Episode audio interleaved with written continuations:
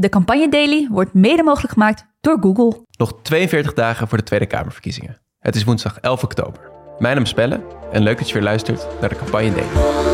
Er wordt gesteld, het eerste wat je moet doen als emancipatiebeweging, als protestbeweging, is het idee te niet doen dat dingen een natuurverschijnsel zijn. Dus dingen zijn mogelijk. Ja, welkom deze woensdag. Ehm, ik zit hier met twee heren aan tafel. Eh, Justin Korneef. Justin, welkom terug. Goedemiddag. Ja, en eh, Sander van der Kraan schrijft aan. Sander is eh, freelance campagnestratege en eh mede-organisator van het Woonprotest. Welkom Sander. Dankjewel. Leuk dat je wilde aanschuiven. Ja, Sander, jij kijkt natuurlijk ook met die blik naar de huidige campagnes. Eh, ehm, en in jouw werk is ook wel media belangrijk. Hè? En kan ik zeggen dat, dat jij de media in deze campagne ook wel een beetje betrapt op media-opportunisme, hoe ze naar bepaalde kandidaten kijken? Ja, dat zou je wel kunnen zeggen. Ehm, ik denk dat het het beste duidelijk is met de manier waarop media met de omzicht, hype omgaan. Misschien zelfs hoe ze hem gecreëerd hebben, zou je kunnen zeggen.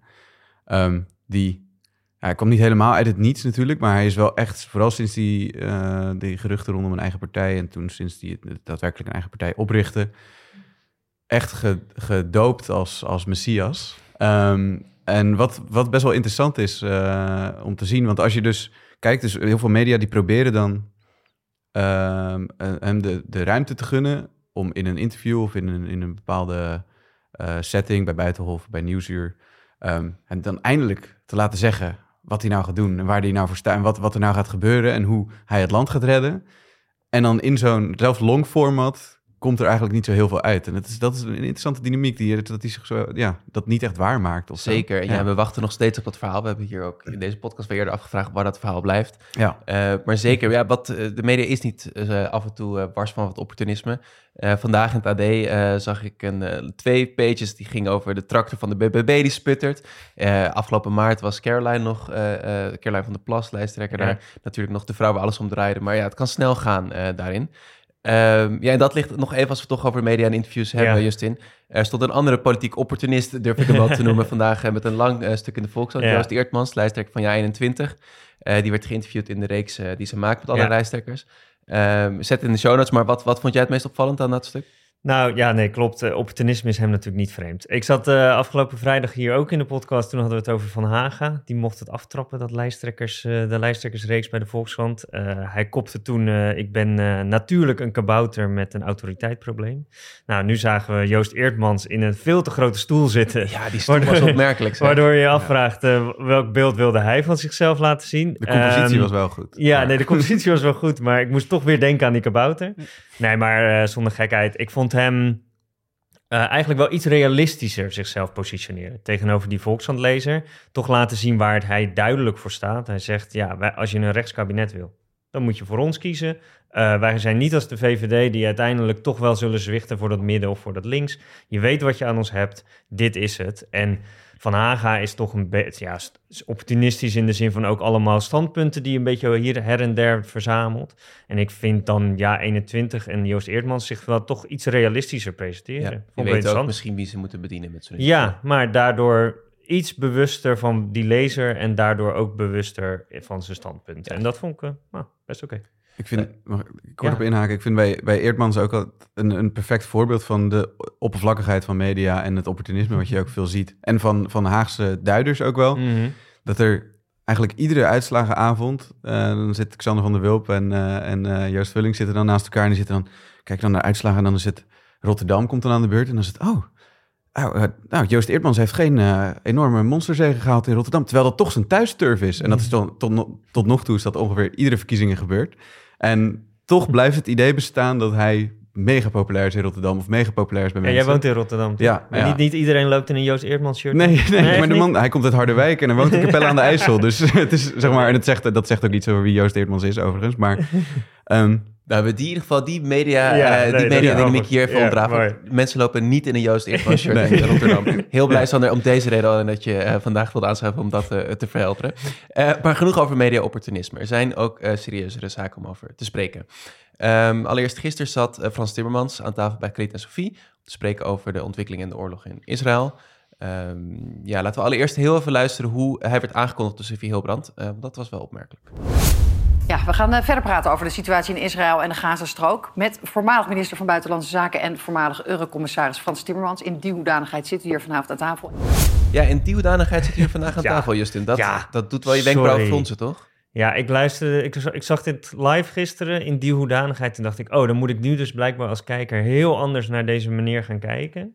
Eh, vind ik een beetje vreemd, want laten we eerlijk zijn, in deze huidige tijd is hij lijsttrekker PvdA GroenLinks. Ik vind niet dat hij, eh, dat we op, op een andere manier naar hem kunnen kijken. Dus ik snap dit niet helemaal hoe ze, hoe ze denken dat dit werkt. Maar ligt, wat denk je dan? Is dit, is dit een vraag van, van de politicus Frans Timmermans? Is dit iets wat ingestoken wordt door de redactie om voor deze approach te kiezen? Ja, ik heb hier iets langer bij, bij nagedacht. Dan denk ik, uiteindelijk is het denk ik iets wat de redactie zelf heeft gewild. Dat soort gedachten, ja, dat is toch uiteindelijk... Een, op dit moment praten we veel over hem. Het zal veel kijkers trekken als we hem aan tafel zetten. Terwijl als je heel eerlijk bent over dit, deze oorlog of dit conflict... kun je eigenlijk van allemaal experts aan tafel zetten...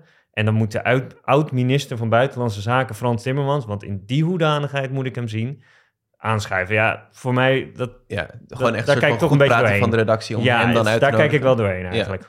Oké, Eh, ja, en dan zie je dus ook eh, op de achtergrond tijdens dat gesprek met eh, Frans Timmermans, zie je de lijsttrekker in de studio, Hendrik Montebal, op de reservebank daarachter een beetje luisteren naar het gesprek, wordt ook wel naar hem geschakeld, dus dat contrast werd heel erg duidelijk. Eh, kortom, Frans Timmermans kreeg ruim baan eh, om over dit onderwerp te spreken. Hoe heb jij naar dat verhaal en, en, en zijn optreden gekeken, Sander? Ja, het was een beetje in navolging van de tweets die er ook over, eh over plaatsten natuurlijk. Eh, het, het, het ging vooral over de daden van Hamas. Ehm, en en eh, dat is iets wat je nu sowieso ziet in het, politieke discours hierover. Hè, het afkeer daarvan. Ehm, en eh, nou, dat is logisch. Dat is een logische reactie op wat er gebeurd is. Alleen wat, wat mij betreft niet kan, als je naar deze situatie kijkt en daar iets over moet zeggen, zeker politiek daar iets over moet zeggen, is dan daarin niet meenemen wat daar aan ten grondslag ligt en hoe eh, zo'n situatie tot stand is gekomen. En dat is de bezetting, dat is de apartheid en dat is het beleg van Gaza. Ehm, en overigens ook het, eh, het, eh, eh, ja, het teniet doen, het, uitmoorden van het verzet wat er al jaren, decennia voor Hamas is geweest. Hamas is ontstaan omdat iedere andere vorm gesaboteerd en kapot gemaakt is. Omdat de, het humanistische, seculiere en democratische leiderschap... wat de Palestijnen in de loop der jaren hebben gehad... allemaal vermoord is. Ja. Ehm, en als je dat niet meeneemt in deze context... ja, dan ben je of een opportunist... of je hebt eh, ja, geen compleet beeld van de situatie. En ik denk dat Frans Timmermans in principe wel een compleet beeld heeft van de situatie. Ja, dus je vindt, je ziet daar duidelijk, in ieder geval als ik jou zo even goed, goed eh, vertaal dan, is je ziet een simplificering van eh, het feit dat hij het nee, nadrukkelijk heeft over Hamas is slecht, daar moeten we iets tegen doen. Maar die, door die hele voorgeschiedenis mee te nemen, ja, ontsla je ook een beetje van verantwoordelijkheid om daar vervolgens nog iets echt concreet inhoudelijks over te zeggen. Ja, en het is niet, het is niet alleen niet productief, maar het is zelfs ja, eh, contraproductief, omdat je het niet over de oorzaken hebt. Dus kun je het ook niet over de oplossing daarin hebben. Je hebt het alleen over de huidige gebeurtenis en daar, daarin laat je die andere context weg. En ehm, als je doel zou zijn, wat ik denk iedere menselijke plicht, eh, eh, of de menselijke plicht moet zijn, de morele plicht is, om het geweld en het leed wat daar zich afspeelt in de toekomst te voorkomen, ehm, dan kun je niet die context weglaten. Dan moet je het hebben over dat de grondslag van dit geweld, die apartheid, die bezetting en dat beleg is. Ehm, en ik vind het kwalijk dat iemand in zijn positie, ehm, in, zowel in, op de dag zelf eh, als een aantal dagen daarna, eigenlijk dat, dat standpunt en dat contextloze standpunt herhaalt. Ja, dus dat was nadrukkelijk denk ik een keuze, eh, in ieder geval in de positionering die Timmermans daar nam. Ja. Dit verhaal was in dat opzicht ook wat hij vertelde, een vervolg van eh, inderdaad wat hij eerder dit weekend daarover tweette. Ehm, ja, wat je Ja, daar nou ja. inhoudelijk wel niet Ja. van vindt, soort van, het is een soort van, eh, je kiest natuurlijk wel je woorden zorgvuldig. Ja, eh, daar. ja, en hij kreeg natuurlijk eigenlijk gewoon opeens een podium om ook te laten zien waar zijn ervaring op dat vlak zit. Dat vind ik campagnematig wel interessant. En ik snap ook wel dat je als campagneteam denkt, ja, laten we daar aan tafel gaan zitten om ook hierover te praten. Omdat hij kon opeens praten over internationaal recht en over proportionaliteit en over de ervaringen die hij heeft in, in dat gebied. Ja, laten we kort even luisteren hoe, Oh, eh, hoe hij dat deed gisteravond. Zou ze een aanbod moeten doen. Kunnen we niet met jullie praten over hoe Ja. we vreedzaam Ja. eh, die, eh, toch stappen richting die twee staten Maar u bent het wel mee eens dat dat eigenlijk eigenlijk had dat eerder moeten gebeuren toen het rustig was. Ja, maar, maar dat is nou in de internationale politiek altijd zo. Als het rustig is, gebeurt er meestal niet zoveel. Hè? Dus, dus eh, de, de wijsheid van je repareert het dak als eh, de zon schijnt... geldt vaak niet in de internationale politiek als het stortregent. Ja. Dan gaan we praten over de reparatie van het Dat is dan in dit geval een belangrijke leerschool geweest. Ja, Ja. dus hij had het inderdaad, hij, hij nuanceerde misschien wel iets wat, wat hij zaterdag had, had getweet. Hij had het inderdaad over proportionaliteit en ook wel meer over, dat, eh, over het Palestijnse perspectief, wat in die korte tweet natuurlijk, wat hij nog niet deed. Snel wegvalt. Ja. Ehm, maar hij krijgt ook ruim baan inderdaad, Justin, zoals je zegt, om inderdaad het te duiden vanuit een meer, ja, een soort van hoog over, Staatsman. internationaal... Sta ja, was het staatsman wat hij hier probeerde te zijn? Nou, ik zag wel dat ik zag wel. Ik snap wel wat hij daar probeerde, ja. En ik denk wel dat hij dat vanuit die blik daar ook naar gekeken heeft. Zo van ja, dat praten ook over een oplossing. eh, hoe hij die ziet. Behalve dat ik het gek vind dat hij uiteindelijk aan het einde dan zegt: ja, politieke, internationale politieke keuzes die maken we niet. Terwijl, wat zegt hij nou dat over het dak en over. Ja, Nou, en daarin mis ik eigenlijk een beetje dat hij presenteert het als een soort wetmatigheid. Hmm. Zo van, ja, dat kunnen wij niet blijkbaar. Internationale politiek, terwijl hij is daar onderdeel van. Ik zou het mooier hebben gevonden als hij daar had gezegd... mocht ik hier een onderdeel van worden, dan zou ik dit en dit doen. Terwijl hij, hij liet het toch een beetje soort voor, voorbij gaan... alsof we hier niks aan kunnen doen. Ja. ja. Terwijl er ook, je zou kunnen zeggen dat juist het zwijgen, ook van hem en ook van eh, de, nou, de hoogste euro- euro-commissarissen, terwijl eh, de zon scheen, eh, Ja. om het maar even cru te zeggen, want dat was natuurlijk absoluut ook niet het geval. Elke dag is er enorm leed in de Gazastrook.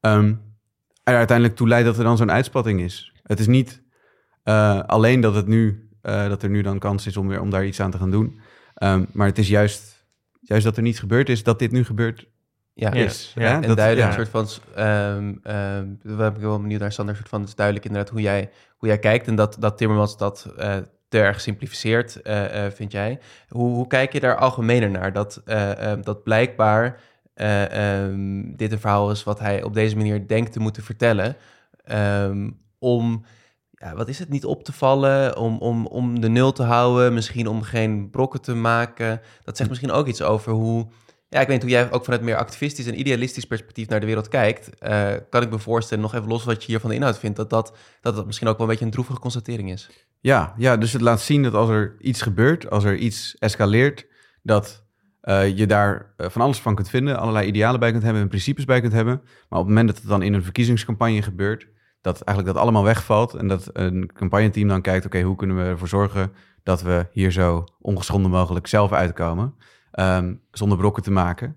Ehm, en dat er helemaal niets meer van dat bredere perspectief, of van het idealistische of principiële perspectief overblijft, als dat, dat is natuurlijk de vraag die je dan kunt stellen als dat er was bij Frans Timmermans. Ehm, maar ik denk binnen de partij wel. En eh, nee, dat dat dan op die manier, dat, dat dit is, dan is wat eruit komt, dat bevestigt wel dat eh, ja, dat is wat er gebeurt als er, als er crisis is en als er een statement naar buiten gebracht moet worden. Ja. En dan zijn inhoudelijk, eh, inhoudelijke verhaal over die proportionaliteit, over internationaal recht, ehm, dan denk je ja, ja, nogal wie dus, weet je, dat kun je allemaal zeggen. Ehm, en, eh, ehm, maar dat betekent nog niet dat daar ook iets mee gebeurt. Of dat dat misschien zelfs eh, terecht of op zijn plaats is om nu aan te halen. Terwijl ondertussen een blokkade van 2 miljoen mensen plaatsvindt, die uitgehongerd en, en zonder, zonder elektriciteit, zonder brandstof komen te zitten. Het is een beetje alsof je tegen Rusland aan het zeggen bent van... hey, oké, ja, die, die, die beschietingen van, van Oekraïense burgerdoelen... ehm, kunnen jullie dat niet iets pro- proportioneler doen? Ja, Ja. dat, dat is natuurlijk een perverse, misplaatste opmerking. Ehm, en dan klinkt het heel staatsmannerig ehm, en netjes. En zo is het ook overgekomen en zo wordt het ook be- benaderd.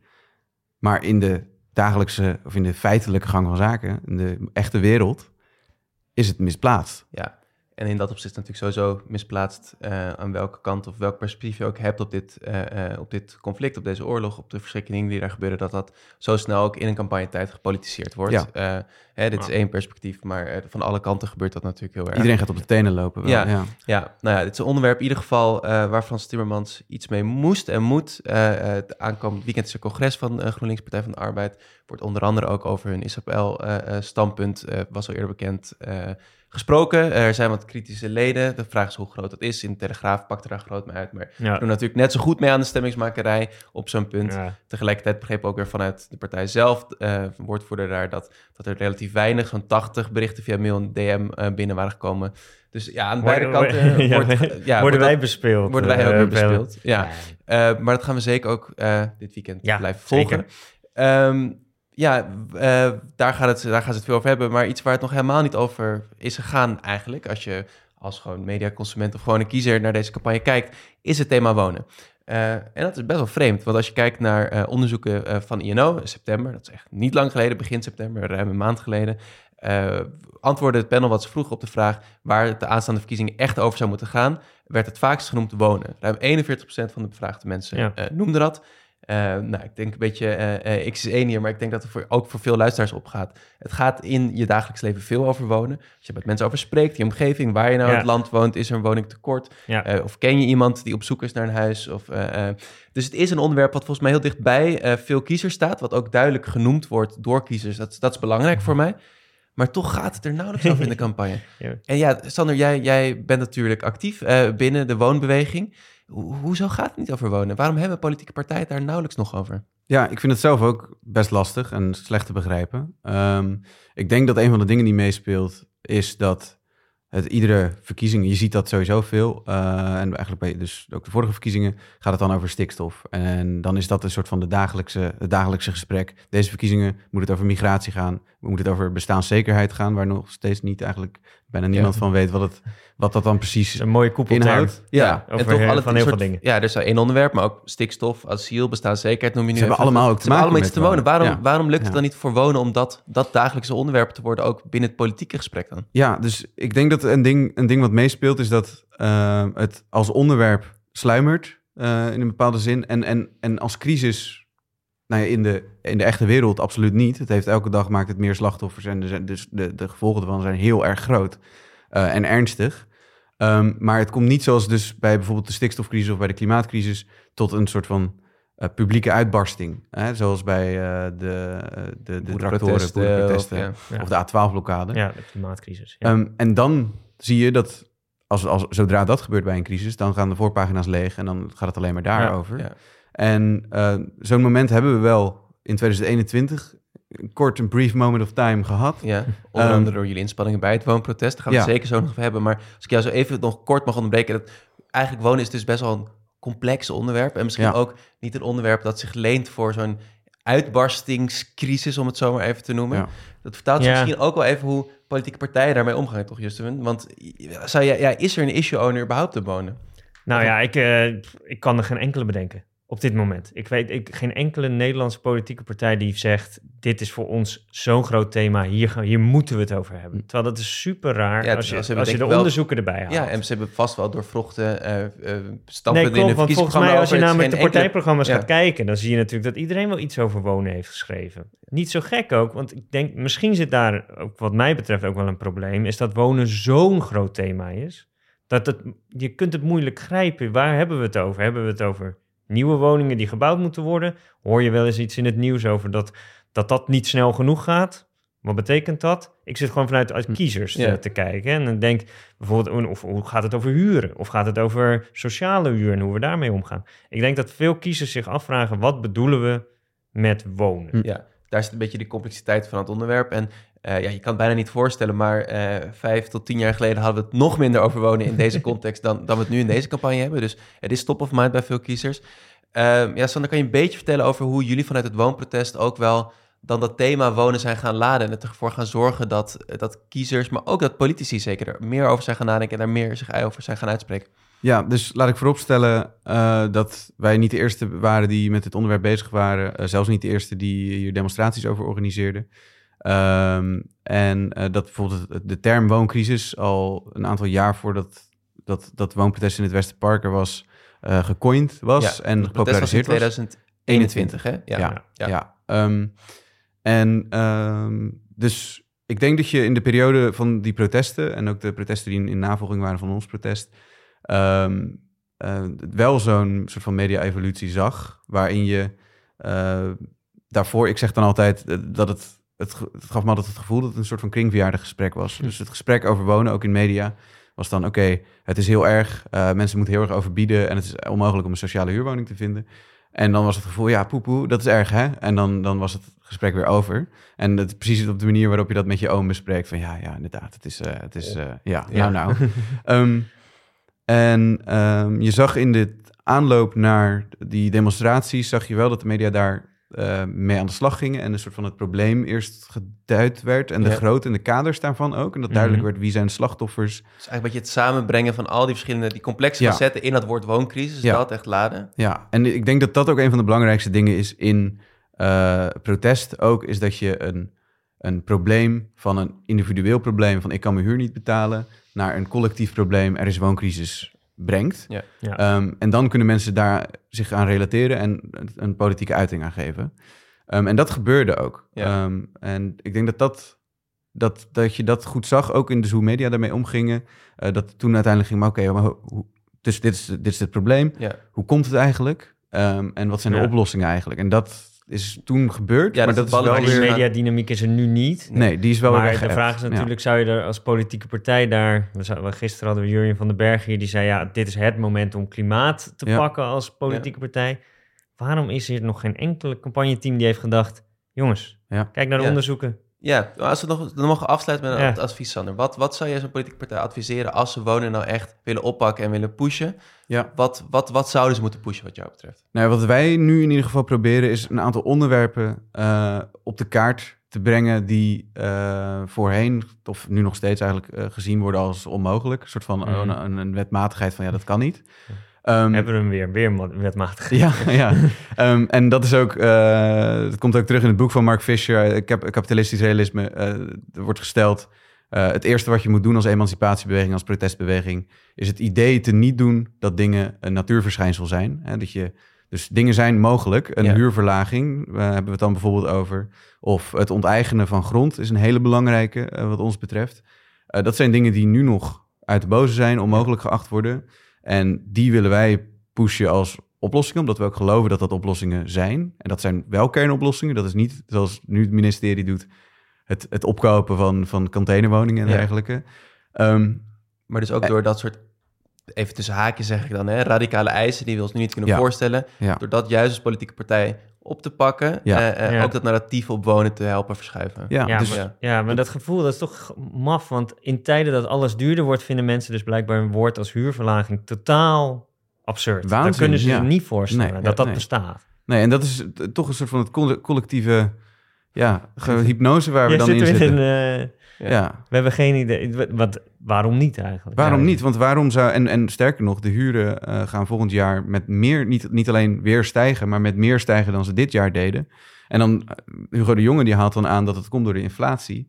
Maar de grote grap is natuurlijk dat die huurstijging de inflatie is. Zeg maar, dat is hoe inflatie gemeten wordt. Je betaalt meer aan je huur, betaalt meer aan je boodschappen. Ehm, en dat dat dan wordt aangegrepen om de huren nog hoger te laten... Of te- meer Ja. te laten stijgen, is, het is waanzin. In, Ja. in deze tijden, ja. Nee, ook, eh, interessant, Sander, om te, om te zien hoe jullie dat eh, vanaf de straat, ook de komende tijd vanuit het woonprotest, er komen nieuwe dingen aan volgen. hè. Het woonprotest, jullie hebben een website, Ja. Instagram. Dan kan je kijken wat jullie eisen zijn, hoe jullie die onderbouwen, maar ook zeker wat jullie de komende tijd gaan doen. Ja. Eh, in, ja we gaan eh, volgen Ja, we of gaan dat nog in de verkiezingen actueel Ja. wordt, maar anders eh, kan ik erop vertrouwen, denk ik, dat jullie dat ook na de verkiezingen eh, blijven agenderen. Zeker. Ehm, daarmee zijn we aan het einde van de, deze uitzending gekomen. Onwijs bedankt, Justin, dat jij wilde aanschuiven. Tuurlijk. Fijn, Sander, dat jij uit Rotterdam wilde komen om eh, vandaag ook je Rotterdamse Joost blikken Eert- op Joost. Eertmans en andere belangrijke thema's in het leven wilde laten schijnen. Jullie ook bedankt. Morgen eh, zijn we er weer om vier uur, eh, zoals je van ons gewend bent. Dan is Linear. Like, deel, abonneer en tot morgen.